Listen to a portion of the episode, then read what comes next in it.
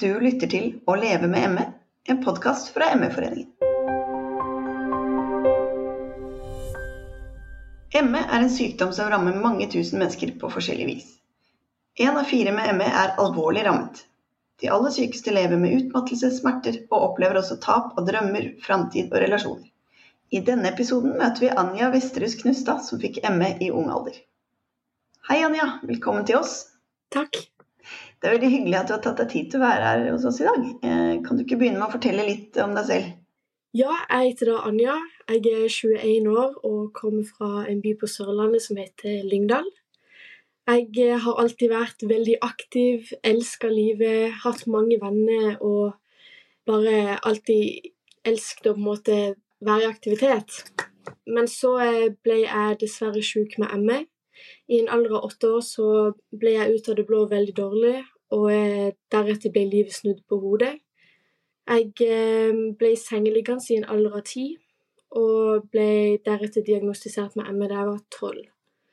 Så det har vært eh, veldig vanskelig, og eh, hele livet mitt omtrent har bestått av sykdom og mye tap, mye sorg, og det har vært veldig tøft.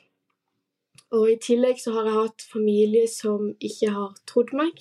Noen i familien som ikke har trodd meg. Jeg har mista venner det sosiale nettverket mitt eh, ble fullstendig ødelagt, eh, i tillegg til at jeg har blitt møtt av helsepersonell som ikke har forstått.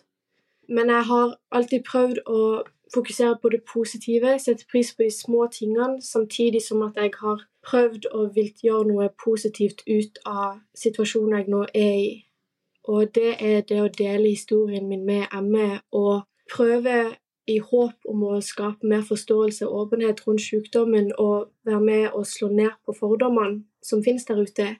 Og derfor jeg, eh, holder jeg en del foredrag om det, samtidig som at jeg òg har eh, begynt på sosiale medier med Instagram og faktisk TikTok, hvor jeg snakker om livet mitt med ME i håp om at flere skal forstå. Hvordan var det å bli syk eh, med ME? Kan du fortelle litt om det?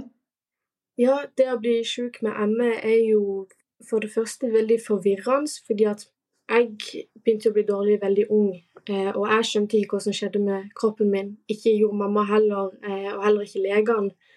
Det, eller det hendte det at jeg ut av det blå ble kjempedårlig, og kroppen bare kollapsa. Jeg ble kjempesliten og hadde mye smerte. Jeg kunne gjerne spille fotballkamp. Drømmen min var å bli profesjonell fotballspiller. Og i løpet av eh, kamper så ble jeg kjempedårlig og måtte legge meg på sidelinja og ble liggende eh, i senga i flere dager etterpå eh, og klarte ikke å fungere i det hele tatt. Og så gikk det et par dager, og så var jeg plutselig helt normal igjen og var tilbake og var på skolen og var med venner, og disse hendelsene skjedde i starten med ganske lange mellomrom, men etter hvert så ble det bare oftere og oftere. Og til slutt, da jeg var ja, ti år, så var jeg dårlig hele tida. Så det er veldig eh, skummelt, og jeg ble veldig redd, for jeg skjønte jo hva som skjedde med kroppen min, og hvorfor fikk jeg så mye vondt, og hvorfor kollapsa jeg. Eh, og det når ingen andre rundt meg heller skjønte hva som var galt, så det føltes veldig håpløst. Hvordan var eh, responsen du ble møtt eh, med i helsevesenet, leger og sånn? Det var litt blanda. Eh, jeg hadde leger som forsto, og som prøvde å gjøre det de kunne, og som trodde på meg.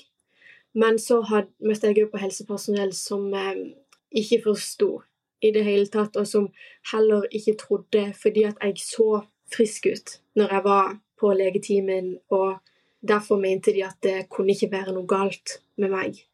Fordi at eh, som regel så de ikke, viste de ikke noe på prøvene, så da lot de det bare være. Men de gangene det òg faktisk vistes noe på prøvene, at det var noe for høye verdier, eh, så ble det ikke gjort noe mer med det heller, for de visste ikke hva det var for noe. Så da bare lot de det ligge, og jeg ble sittende der og ante ikke hva jeg skulle gjøre for noe. Kan du fortelle oss litt mer om noen av de situasjonene? Jeg husker spesielt godt en gang hvor eh, legene ville sende meg hjem, selv om jeg var veldig dårlig. Og da husker jeg mamma måtte Mamma begynte å diskutere med legen fordi hun var òg fortvila. Og hun visste heller ikke hva hun skulle gjøre, men noe måtte jo gjøres, fordi at det var jo åpenbart noe galt og feil med kroppen min. Eh, så da diskuterte hun med han, og eh, til slutt så la de meg inn eh, på sykehuset i Kristiansand, hvor de tok en grundig utredning. Og deretter så fikk jeg jo ME-diagnosen, men det var jo to år. Det tok jo to år, den diagnoseringa. Så det har jo vært mamma som har måttet kjempe min kamp, fordi jeg var jo så liten og hadde ikke muligheten til å kjempe for meg sjøl, selv om jeg prøvde. Men når voksne lege og helsepersonell sa at det jeg sa ikke var riktig, og at jeg gjerne overreagerte, så eh, var det kjempevanskelig for meg å sitte der og si imot deg. For man begynner jo sjøl å tvile. For det er sånn, ok, Hvis legen sier at, det, at det ikke er noe galt, så er det jo meg sjøl som er problemet, da. Men nei, det har vært mamma som har måttet være Hun har vært min klippe. Og hadde jeg hatt henne, så hadde jeg mest sannsynlig, sannsynlig, ikke fått diagnosen. Det var hun som måtte stå på og kjempe. Um, så jeg har òg sittet og prata med Det ble innblanda en psykiater en gang, og hun sa jo til meg at jeg måtte bare følge en sånn timeplan og så bare pushe kroppen litt, og så skulle det gå greit, så lenge kroppen kom inn i en rutine. Og jeg ble så lei meg til slutt fordi at jeg satt der og sa imot henne og sa at jeg, det går ikke, jeg kan ikke presse kroppen min, det er ikke bra for meg, jeg kommer bare til å bli dårligere. Men hun var helt bestemt på at hvis jeg bare pusha meg sjøl, at det var min egen feil at jeg ikke ble bedre fordi at jeg tørde ikke å pushe. Og da begynte jeg å grine, og det var helt forferdelig. Og eh, jeg var ung òg, så det endte jo med at vi bare gikk fra møtet, for det var ikke noe poeng i å fortsette, for jeg ble bare ødelagt av å sitte der og bli snakka ned på og sett ned på. Men hvordan reagerte skolen da du ble syk? Nei, eh, på barneskolen så eh, var det egentlig lite forståelse å få. De forsto ikke sykdommen, og eh, de var ikke noe gode på å tilrettelegge. Men etter mange møter og mange samtaler så endte det med at det ble laga til et sånt rom ved siden av klasserommet vårt hvor jeg kunne ligge og hvile. Så det var jo hyggelig at de stelte i stand det og, og sånt. Men eh, det var likevel lite forståelse å få. Men på ungdomsskolen så var det mye bedre. Da var, det, da var læreren helt annerledes, og det var veldig mye forståelse. Og selv om de ikke forsto sykdommen fullstendig, så tok de den på alvor. Og på ungdomsskolen så var jeg der nesten aldri. Jeg hadde kjempemye fravær. Men de eh, dagene jeg var veldig dårlig og ikke kunne møte opp, så jeg gjorde vi det sånn at kontaktlæreren min kom hjem til meg og hadde hjemmeskole for meg. Eh, og det var noen ganger én time i uka, noen ganger to timer i uka. Og han var veldig forståelsesfull. Eh, var det ganger jeg ikke orka, så bare avlyste vi. Eh, og var det ganger han kom til meg, men jeg egentlig var veldig sliten, så istedenfor å se på matteoppgave, så spilte vi heller kort. Eh, og så var det aldri noe problem å avslutte tidligere eh, hvis jeg ikke var i form. Så ungdomsskolen var Der var det mye forståelse. Og på videregående nå, som jeg er nå, så eh, har jeg òg møtt eh, egentlig bare forståelse. Jeg har vært veldig klar og veldig åpen om situasjonen min, og at jeg trenger tilrettelegging, og hatt en dialog med egentlig alle lærerne jeg har hatt så for å prøve å gjøre det så bra som mulig, så at jeg skulle komme meg gjennom eh, skolen. Ja, for det har jo fått litt konsekvenser eh, for skolegangen din, eh, denne ME-sykdommen. Kan du fortelle litt om det? Ja, jeg går jo fortsatt på videregående, selv om jeg er 21. Og det er jo fordi at jeg har måttet dele opp fagene fordi jeg ikke har hatt kapasitet og helse til å ta, følge det vanlige skoleløpet som andre på min alder. Så på ungdomsskolen så har jeg bare to karakterer. Det er fra valgfag. Så der har jeg egentlig ingenting. Og på videregående så har jeg Jeg begynte i 2018 opprinnelig, men eh, etter bare et par uker så måtte jeg slutte fordi kroppen min klarte det ikke. Og det var et veldig stort nederlag og en stor sorg, fordi det var vanskelig nok for meg å måtte akseptere at jeg måtte dele opp fagene og ikke kunne følge kullet mitt. Men det å faktisk måtte slutte helt, det var forferdelig, og det tok meg lang tid å akseptere. Men så begynte jeg å innse det at litt er bedre enn ingenting. Så nå eh, går jeg andre året på videregående, på interiørlinja, og går med folk som er mye yngre enn meg. Og jeg syns jo til tider det er vanskelig, fordi at jeg kunne vært halvveis gjennom en bachelor nå, som var planen, for jeg har lyst til å studere videre. Eh, så det å på en måte se de på min alder ha et helt annet liv enn det jeg har nå, og er på et helt annet stadie i livet, det er veldig vanskelig. Eh, men så er jeg jo takknemlig for at jeg i det minste kan gå litt på skolen enn ingenting. Så jeg kommer meg jo framover, selv om det tar tid. Og så vil jeg heller bare ta to fag om gangen istedenfor å pushe meg for mye og så bli sengeliggende hele tida. Mm. Det du sier på slutten, Anja, tror jeg mange som har opplevd eh, tilbakefall av utmattelse, vil være veldig enig i. Men eh, hvordan har livssituasjonen din påvirket det sosiale livet? Det har påvirka det sosiale livet mitt i en vanvittig stor grad. Før jeg ble sjuk, så var jeg kjempesosial og utadvendt og hadde mange venner. Jeg hadde alltid noen å gå til og være med. Men da jeg ble sjuk, så endra det seg. Og eh, jeg hadde jo ei bestevenninne og andre nære venner som etter hvert begynte å behandle meg annerledes. Jeg ble holdt utafor, utestengt, baksnakka, ikke minst.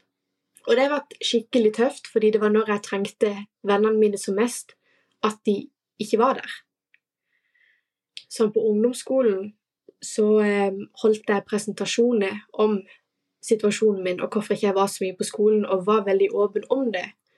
Og sa det at har dere noen spørsmål, ikke nøl med å spørre. Det er bedre at dere hører det fra meg, istedenfor å eh, snakke med hverandre om dette her og prøve å finne ut av hva som egentlig skjer. Og da trodde jeg jo at det var greit, og at de ville komme til meg hvis det var noe, og at de da hadde forståelse. Men eh, jeg fant jo ut eh, rett før vi slutta på ungdomsskolen, at de hadde baksnakka meg hele ungdomsskolen. Og sagt det at jeg var lat, og at jeg var oppmerksomhetssyk. Det var derfor jeg sa at jeg var sjuk, og at jeg kom ikke på skolen fordi at jeg ikke gadd. Og det husker jeg var Det var så vondt. Jeg hadde, jeg hadde vært så åpen om situasjonen min, og det var ikke lett, det heller, å skal stå foran hele klassen og så fortelle noen av de mest sårbare tingene man har gått gjennom, og så da bli snakka dritt om bakryggen din. Helt forferdelig. Og jeg vet jo at jeg er jo ikke den eneste som opplever det, og det syns jeg er helt, helt grusomt. Og den dag i dag så er jo eh, det sosiale nettverket mitt det er ikke stort, dessverre. Det kan ikke sammenlignes med hvordan det var før jeg ble sjuk.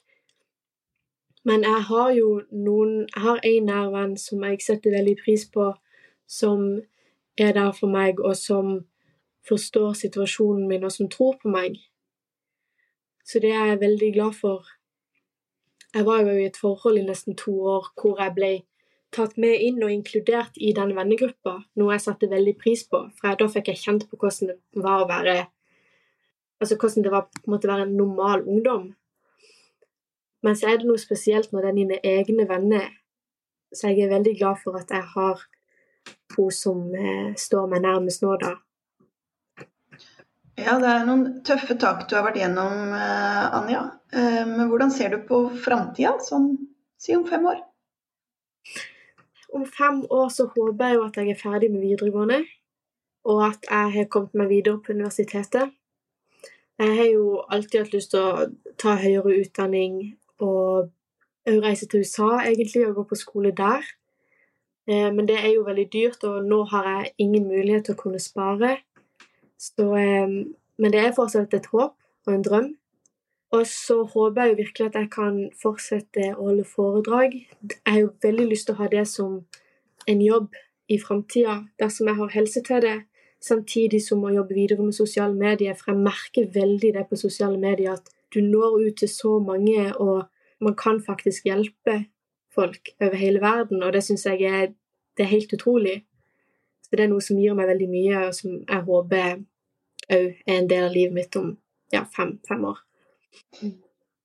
Har du fått noe behandling for symptomene dine, eh, og får du noe i dag? Eh, nei, nå får jeg ingenting. Vi har prøvd alternativ behandling, men det har jo òg vært veldig dyrt og ikke funka. Det har jo bare gjort meg verre. Jeg har prøvd eh, behandling som eh, inneholdt sånn lysterapi, som jeg skal prøve. Og han vi var hos, han sa at ja, etter første gangen nå, så kommer du til å bli frisk. Nå, nå, er du frisk, så nå kan du gjøre hva du vil. Du kan gå ut og trene eller danse eller hva enn. Så jeg var jo overlykkelig og følte jo at jeg faktisk var frisk. Så da dro jeg jo hjem og styrte på og gjorde alt jeg kunne. Og så smalt det, og jeg ble kjempedårlig, for jeg hadde pressa meg altfor mye. Så da vi kom tilbake igjen til han og sa at det, jeg er ikke frisk, altså det, jeg er blitt mye dårligere, så sa han at ja, men det kunne være det tok et par behandlinger til. Så da fortsatte vi jo da, i håp om at det skulle hjelpe. Og så var det 8000 kroner senere og enda dårligere enn jeg var i utgangspunktet. Så måtte vi avslutte det, for det var ikke noe poeng. Det var jo bare tull. Og så har jeg òg lest eh, bøker som eh, sier at jeg bare skal tenke meg frisk. Hvis jeg overser symptomene og tenker at dette her, dette her, går fint, hvis jeg bare blir litt mer positiv til sinns, så skal det gå greit. Det har jeg prøvd, og det funker ikke. Jeg blir òg mye dårligere. fordi problemet er ikke det at jeg ikke er positiv nok. Jeg er for positiv. Fordi jeg presser alltid kroppen min i håp om at det skal gå, i håp om at jeg skal klare ting, og målet har satt for meg. Men det ender bare med at jeg blir enda dårligere, fordi at jeg vil så gjerne, men jeg kan ikke. Kroppen min stopper meg. Og det er ikke, det er ikke min feil. Jeg, jeg, prøver, jeg, prøver, så hardt, og det har aldri vært motet eller motivasjonen det har stått på. Det er kroppen i seg sjøl som sier nei. Hva er livssituasjonen din nå? Nå um, bor jeg for meg sjøl, faktisk. I leilighet. Og så går jeg på skolen, da. For øyeblikket så går jeg gjennom et veldig stort krasj med MN. De siste ukene har vært helt forferdelige, for å være helt ærlig. Så dagene mine har gått til egentlig ingenting. Jeg våkner og er helt utslitt og lager meg noe mat og ligger på sofaen eller i senga og det er egentlig det dagen min består av. Eh, I tillegg til at smertene er veldig sterke, og det skal ingenting til for at jeg krasjer igjen. Altså bare det å gå til postkassa gjør meg kjempedårlig. Og jeg blir andpusten av pussetennene og spiser. Um, så det, det, nå er dagene mine veldig tøffe. Uh, og jeg har jo ikke helse til å jobbe ved siden av skole, så det gjør jeg jo ikke. Og jeg har ikke så mye energi til å være sosial heller. Så jeg kommer meg ut innimellom og får møtt vennene mine, men eh, det er ikke så mye som jeg skulle ønske, dessverre. Men det gir mye mestring å bo alene, da. For jeg, kjenner, jeg har alltid vært veldig selvstendig.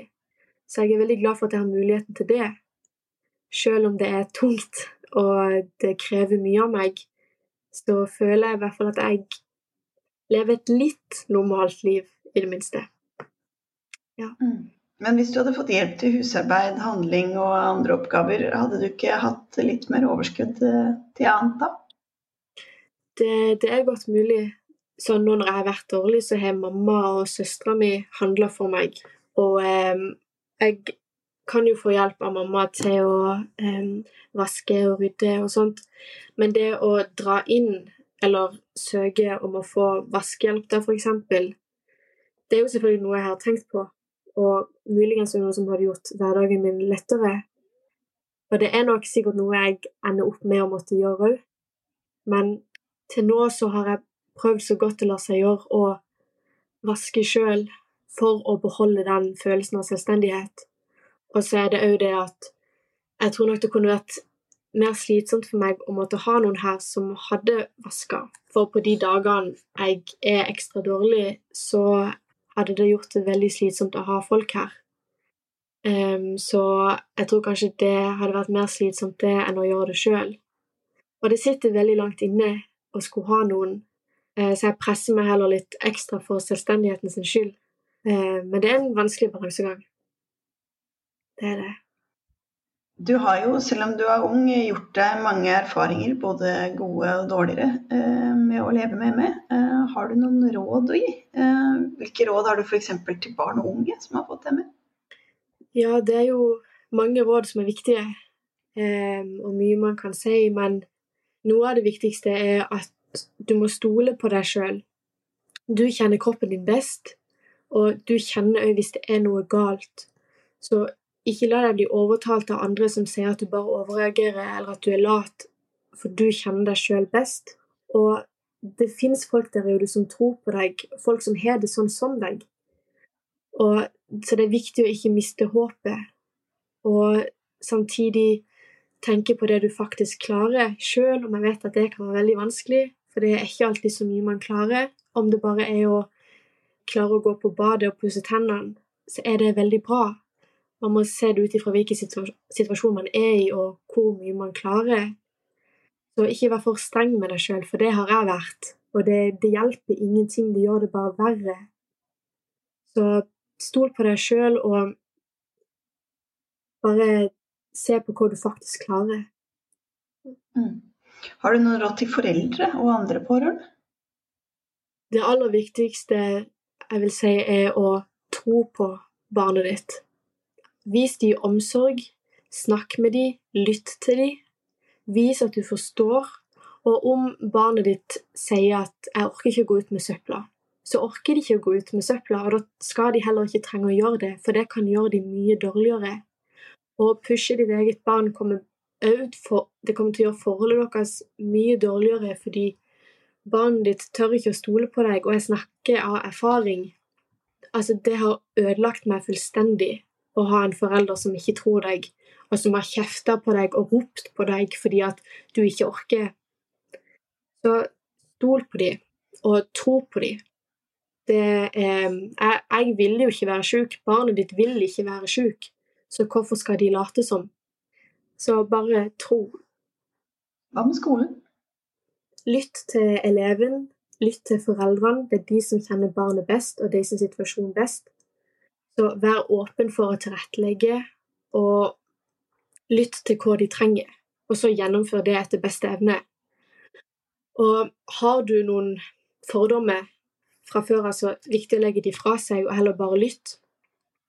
Og så er det jo viktig å huske på at er ikke barnet på skolen mye, så er ikke pensum det viktigste. Da er det viktigste at de får en fin opplevelse når de først kommer seg på skolen. Sånn som med da jeg på ungdomsskolen, jeg var der nesten aldri, så det var ikke sjans for meg å få standpunktkarakter i noen fag, omtrent. Så da var det viktig å bare fokusere på det sosiale og prøve å gjøre det beste ut av når jeg først kom der. Mm. Hva med helsepersonell, har du noen råd til dem? Ja, det er jo mye altså det samme, det å lytte. Um, for foreldrene og barnet vet best. Hør på dem, og som faktisk hør på dem. Og igjen, her har du fordommer som, som du har hørt fra andre, eller meninger du har, du har. Så legg de fra deg og lytt.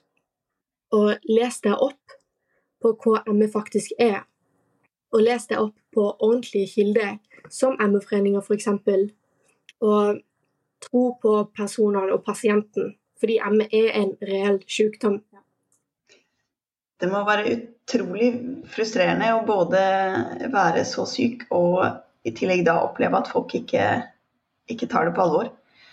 Eh, men helt til slutt, hvordan ser du på livet ditt i dag? Livet mitt i dag det er jo, består jo av både mye positivt og mye negativt. Det kommer an på hvordan formen min er. Den er jo ikke i noe balanse. Jeg har jo perioder hvor jeg er mye bedre, og så har jeg perioder hvor jeg er mye dårligere. Sånn som nå, de siste ukene hvor jeg har vært så å si sengeliggende, som har vært kjempetøffe. Og det har begynt å gå utover den mentale helsa mi. Ja, det har vært veldig, veldig vanskelig, og jeg føler meg veldig isolert. Og jeg kjenner ekstra på det at jeg bor alene nå, fordi det er veldig ensomt. Og jeg har vært mye lei meg og slitt mye og det føles veldig håpløst at jeg har vært dårlig så lenge nå og ikke kommer meg igjen. Fordi at jeg var på en festival og brukte jo dermed mye energi. Og etterpå det så krasja jeg jo veldig og har jo ennå ikke kommet meg igjen. Så livet mitt akkurat nå føles veldig Det er skremmende hvor dårlig jeg er. Og fælt å leve med så sterke og så mye smerte daglig. Men jeg håper virkelig at jeg kommer meg igjen etter hvert, så at jeg kan komme meg ut igjen og være med venner og begynne på skolen igjen til høsten og prøve å leve litt. Fordi jeg savner veldig å kunne leve, og bare det å være med folk en dag, det har så mye å si for den mentale helsa. Så det er noe jeg lever, lever på. Så jeg ser fram til det, og har jo mye håp om at det skal skje snart. Tusen takk til deg, Anja, som fortalte din historie til oss eh, og til lytterne. Eh, det er veldig verdifullt for mange å høre dine perspektiver på livet som ung med ME, og ikke minst for andre som er i samme situasjon. Så takk igjen for at du tok deg tid til å være med her i dag. Jo, takk for at jeg fikk komme. Mitt navn er Margrethe Gustavsen, og du hørte på en episode av Leve med ME, en podkast fra ME-foreningen.